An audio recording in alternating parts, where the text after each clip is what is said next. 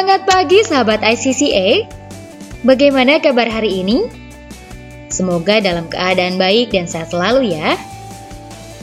Untuk memberikan semangat dan motivasi bagi sahabat ICCA, kali ini saya akan menceritakan seorang pemenang platinum The Best Supervisor dari Kering Pajak 1500-200 yaitu Abrian Ardedes. Laki-laki asal kota Palembang ini lahir pada tanggal 24 Oktober 1988 dan lulus sebagai sarjana manajemen di Universitas Terbuka. Sejak bulan Juni 2014, Abrian telah bergabung dengan Kantor Layanan Informasi dan Pengaduan Kering Pajak 1500-200. Sebagai supervisor, Abrian memberikan support kepada tim leader dan agent serta melakukan koordinasi baik dengan pihak internal maupun pihak eksternal. Selain itu, Abrian juga harus melakukan mitigasi resiko, mengelola sumber daya serta melakukan evaluasi kinerja. Di samping itu, Abrian juga memiliki tanggung jawab untuk melakukan pengembangan proses bisnis yang ada di Kering Pajak 1500-200. Untuk dapat melaksanakan setiap tugasnya dengan baik, tentu perlu didukung dengan kompetensi yang dimiliki. Salah satu tugas utama dari Kring Pajak 1500-200 adalah memberikan informasi peraturan perpajakan. Untuk itu, Abrian harus memiliki kemampuan dalam menguasai pengetahuan perpajakan. Dalam menguasai kemampuan tersebut, dibutuhkan untuk memahami kebutuhan pelanggan serta melakukan penyesuaian terhadap proses bisnis yang ada. Kemampuan kontak center analis juga wajib dimiliki oleh Abrian sebagai supervisor. Kemampuan ini dibutuhkan untuk melakukan evaluasi dan pengembangan layanan secara berkesinambungan. Selain itu, kemampuan leadership yang harus dimiliki agar dapat memberikan pengarahan dengan baik dan membina tim leader dalam mencapai target yang telah ditetapkan. I think there's no higher calling in terms of a career than public service, which is a chance to make a difference in people's life and improve the world. Sebagai supervisor di kontak center pemerintah yang kental dengan birokrasi, Abrian merasakan tantangan dan hambatan yang berbeda dengan kontak center lainnya. Untuk tetap dapat meningkatkan layanan dalam keterbatasan birokrasi tersebut, Abrian menyusun sebuah program kerja yang ia namakan EIO Experience. Nama tersebut diadopsi dari istilah perpajakan yaitu Exchange of Information. Namun, EIO yang ia maksudkan adalah singkatan dari Employee, Office, and Institution Program yang dibuat oleh Abrian bertujuan untuk meningkatkan experience sehingga peningkatan tersebut dapat dirasakan dampaknya oleh pelanggan ataupun wajib pajak sehingga dapat meraih taxpayer experience. Seluruh pegawai kering pajak merupakan PNS. Dan tak jarang ada stigma yang berkembang di kalangan sesama PNS yang menyatakan pintar maupun bodoh tetapi penghasilan sama. Tidak peduli sebaik apa seorang PNS itu bekerja, ia akan memiliki penghasilan yang sama dengan PNS lain yang memiliki pangkat dan golongan yang sama. Saat ini hal itulah yang sudah tidak terjadi lagi di Kementerian Keuangan khususnya di Direktorat Jenderal Pajak. Sudah ada kriteria penilaian yang nantinya akan berdampak kepada penghasilan yang diterima oleh setiap pegawai.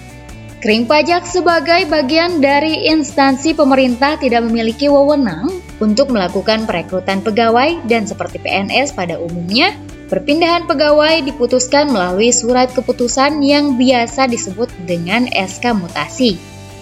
Sebagai supervisor, Abrian harus selalu melakukan mitigasi karena Abrian tidak dapat memprediksi kapan mutasi pegawai tersebut akan terjadi.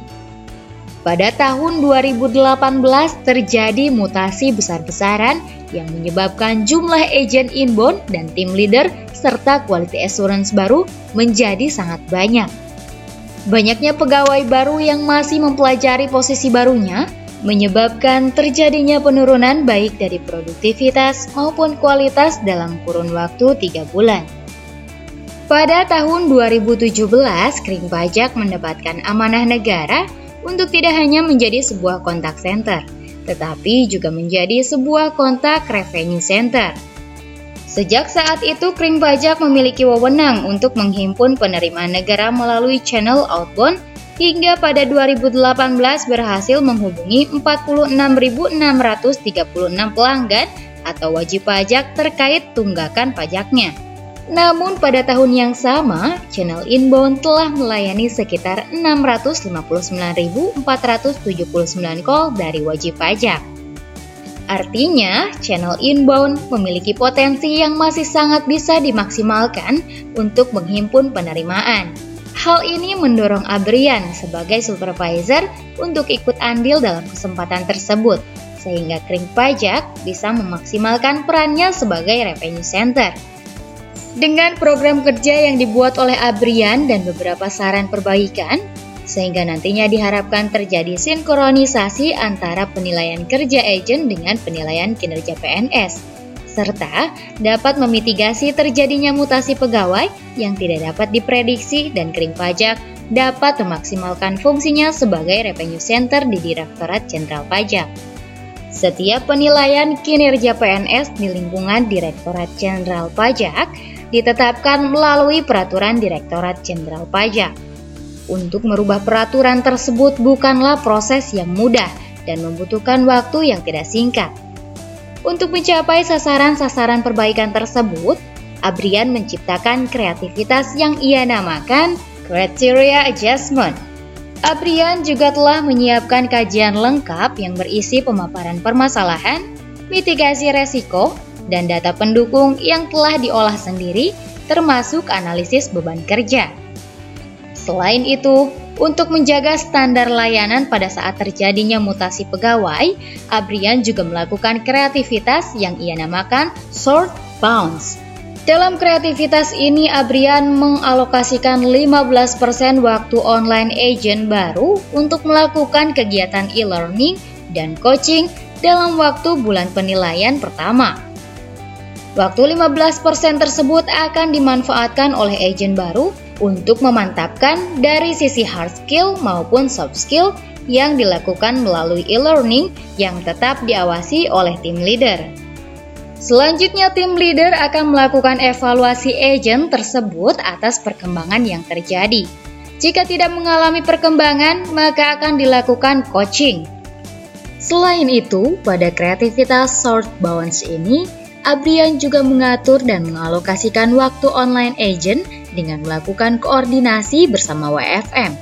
Sehingga, walaupun jam online agent dikurangi, tidak berpengaruh pada service level secara keseluruhan. Posisi duduk agent baru juga perlu diperhatikan.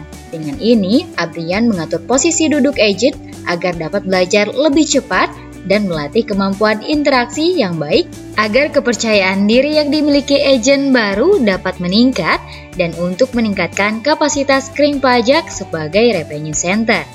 Abrian juga memiliki kreativitas yang dinamakan inbound collection, di mana Abrian memulai dengan mengajukan usulan rancangan perubahan SOP, sehingga dari berbagai kreativitas yang dilakukan oleh Abrian tersebut dapat mencapai sasaran yang diinginkan. Untuk tetap dapat meningkatkan kinerja, Abrian juga melakukan pengembangan diri dengan mengikuti kompetisi dalam ajang The Best Contact Center Indonesia 2018. Demi mengetahui sejauh mana pengetahuan dan kemampuan yang dimilikinya terkait bisnis kontak center yang ada di Indonesia. Dalam kesempatan tersebut, Abrian berhasil meraih penghargaan silver dalam kategori bisnis proses. Tidak hanya berhenti di situ saja. Pada 2019, Abrian kembali mendapatkan kesempatan untuk mengikuti kompetisi tersebut dan berhasil melakukan peningkatan dengan meraih penghargaan platinum dalam kategori The Best Supervisor. Selain itu, Abrian juga aktif bermain sepak bola karena baginya sepak bola mengandung nilai-nilai seperti teamwork, disiplin, manajemen waktu, dan yang paling terpenting adalah untuk menjaga kebugaran. Abrian juga ikut serta dalam program kerjasama antar Indonesia dengan Australian Tax Office dalam melakukan asesmen terhadap kontak center kering pajak untuk bisa mempelajari dan mengadopsi ilmu-ilmu yang diterapkan di negara maju yang tentunya dapat menunjang pekerjaan Abrian sebagai supervisor. Nah, itu dia sahabat ICCA. Dengan berbagai upaya yang dilakukan, Abrian dalam pekerjaannya bertujuan untuk terus memberikan kemudahan dan pelayanan terbaik kepada masyarakat. Terima kasih telah mendengarkan podcast cerita pemenang The Best Contact Center Indonesia 2019 kali ini. Dan saya Tian pamit undur diri, sampai bertemu di podcast berikutnya.